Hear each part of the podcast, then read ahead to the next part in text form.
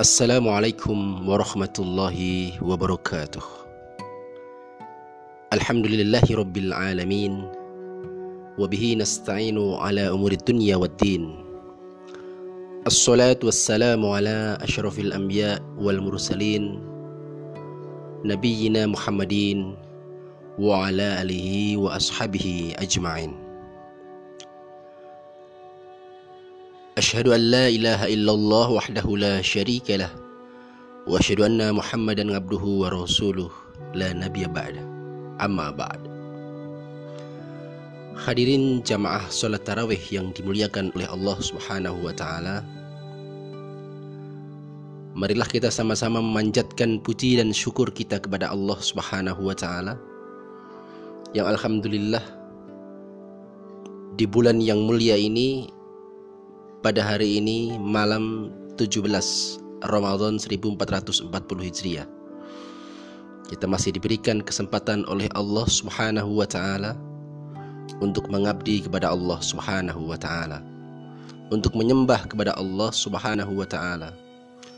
Kita dilimpahkan waktu kepada Allah Subhanahu wa taala, diberikan kesempatan oleh Allah Subhanahu wa taala untuk berzikir, untuk mengumandangkan kalimat-kalimat besarnya untuk mengumandangkan takbir tasbih tahmid dan lebih-lebih kita diberi kesempatan oleh Allah Subhanahu wa taala untuk memohon ampun atas segala dosa-dosa dan kesalahan-kesalahan kita kepada Allah Subhanahu wa taala.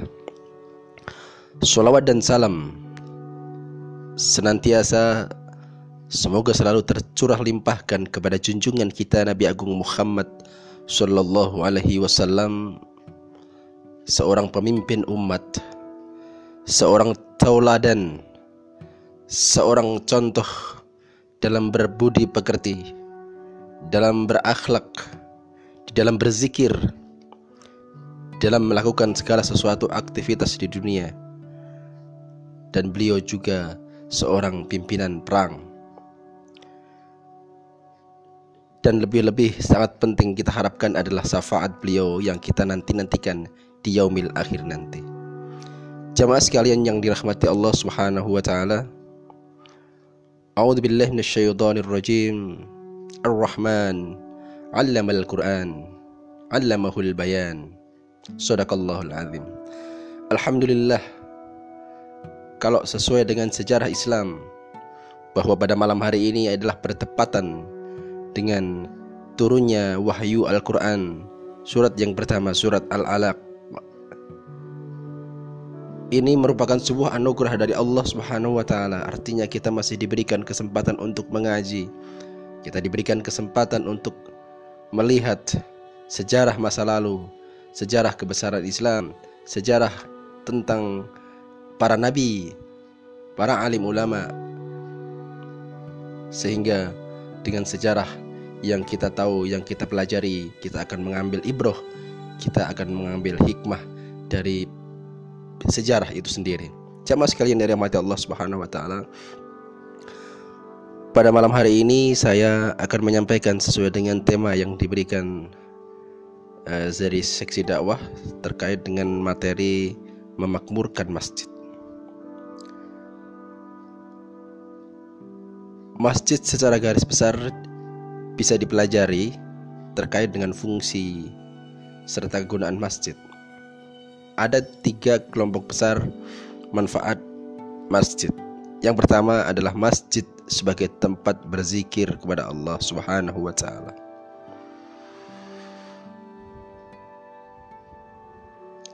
Tiada tempat yang lebih utama, tiada tempat yang lebih indah, tiada tempat yang lebih tepat ketika saat mendekatkan diri kepada Allah selain di masjid.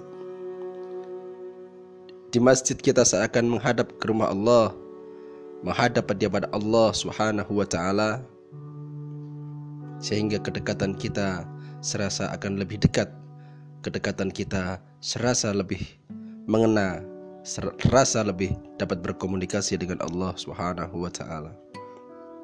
Dengan berzikir kita bisa mengucapkan kalimat-kalimat besar Allah memohon ampun kepada Allah Subhanahu wa taala, bersolawat dan lain sebagainya. Yang kedua, masjid sebagai tempat berfikir.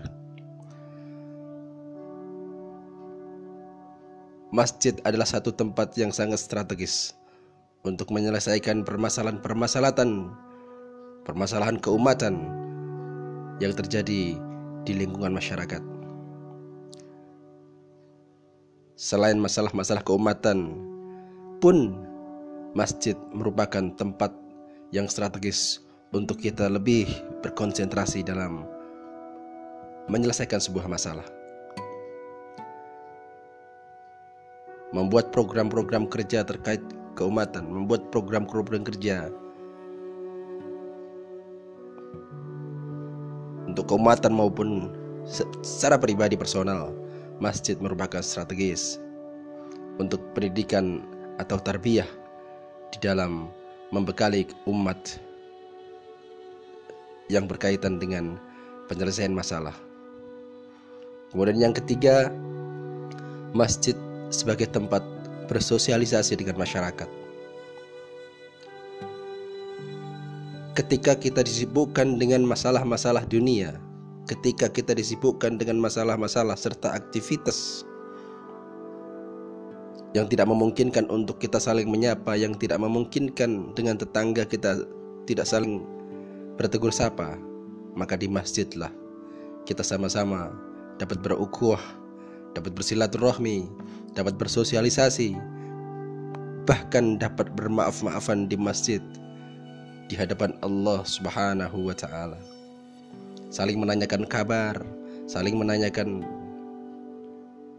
situasi dan saling bertukar pikiran, bertukar informasi. Jamaah sekalian yang dirahmati Allah Subhanahu wa taala. Allah Subhanahu wa taala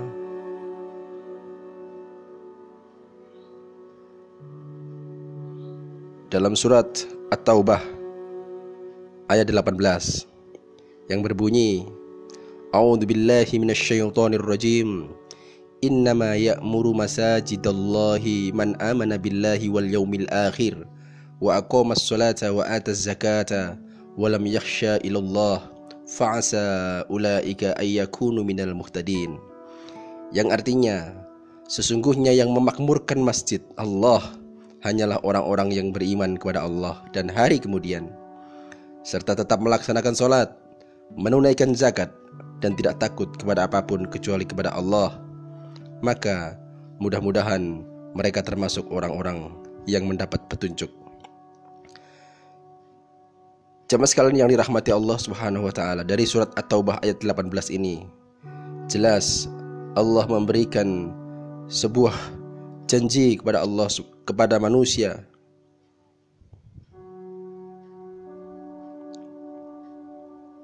Bahwa Allah memang mengkhususkan bahwa masjid diperuntukkan masjid hanya diberikan kepada orang-orang yang beriman hanya orang-orang yang melaksanakan sholat, menunaikan zakat, dan tidak takut kepada apa pun kecuali Allah Subhanahu wa taala. Dan mudah-mudahan kita termasuk orang-orang yang beriman kepada Allah Subhanahu wa taala sebagaimana dalam surat At-Taubah tadi.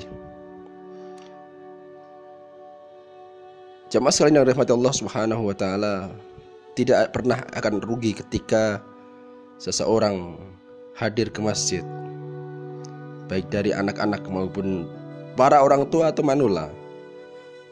Dari segi anak-anak bisa belajar dengan para orang tua bisa belajar dengan para ustadz ustazah bertolabul ilmi berkaitan dengan keilmuan cara baca tulis Al-Quran berbudi pekerti yang baik belajar tauhid belajar akhlak belajar sejarah Islam dan lain sebagainya masjid merupakan tempat di mana kita dapat mencari sumber, mencari ilmu untuk bekal anak-anak muda, bekal remaja-remaja, bekal untuk anak-anak kita. Begitu pula ketika seseorang atau sudah tua datang ke masjid melaksanakan sholat berjamaah di masjid mendapatkan ampunan dari Allah Subhanahu wa taala. Sebagaimana hadis Nabi Shallallahu alaihi wasallam barang siapa yang berwudu kemudian melaksanakan sholat dan bersama-sama dengan umat lainnya, umat Islam, maka Allah akan mengampuni segala dosa-dosanya yang telah ia lakukan. Jamaah sekalian yang dirahmati Allah Subhanahu wa taala, maka sangat mungkin ketika seseorang yang diajari, seseorang yang belajar di masjid TPK ataupun TPA untuk anak-anak ketika setelah remaja ataupun pemuda maka sangat mungkin sekali ketika ia remaja atau pemuda ia akan terbebas atau selamat dari pergaulan-pergaulan yang di luar norma-norma aturan-aturan agama maupun masyarakat. Sehingga dampak ke masjid akan menjadi atau menghantarkan manusia menuju manusia yang berakhlak, manusia yang mulia, manusia yang berbudi pekerti, manusia yang agamis, manusia yang insya Allah selamat di dunia wal akhirah. Jamaah sekalian yang dirahmati Allah Subhanahu wa taala, tentunya dengan beberapa keuntungan beberapa fadilah ke masjid, kita akan sedikit menyegarkan ingatan kita, sedikit menyegarkan pengetahuan kita bahwa tidak pernah ada segi negatif ketika kita dan keluarga kita selalu hadir ke masjid untuk meramaikan masjid.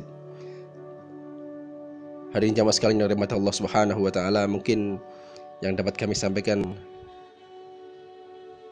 itu saja namun ada satu hal lagi yang perlu kami sampaikan bahwa beberapa efek seseorang yang jarang ke masjid tentunya akan uh, sangat dan berpotensi menuju kenakalan remaja, pergaulan yang tidak sesuai dengan aturan-aturan agama maupun masyarakat sehingga akan terbentuklah anak-anak atau remaja-remaja yang tidak bermoral, yang tidak beragama, yang jauh dari aturan-aturan agama, sehingga menjadi perusak bahkan tidak disukai oleh masyarakat dan umat.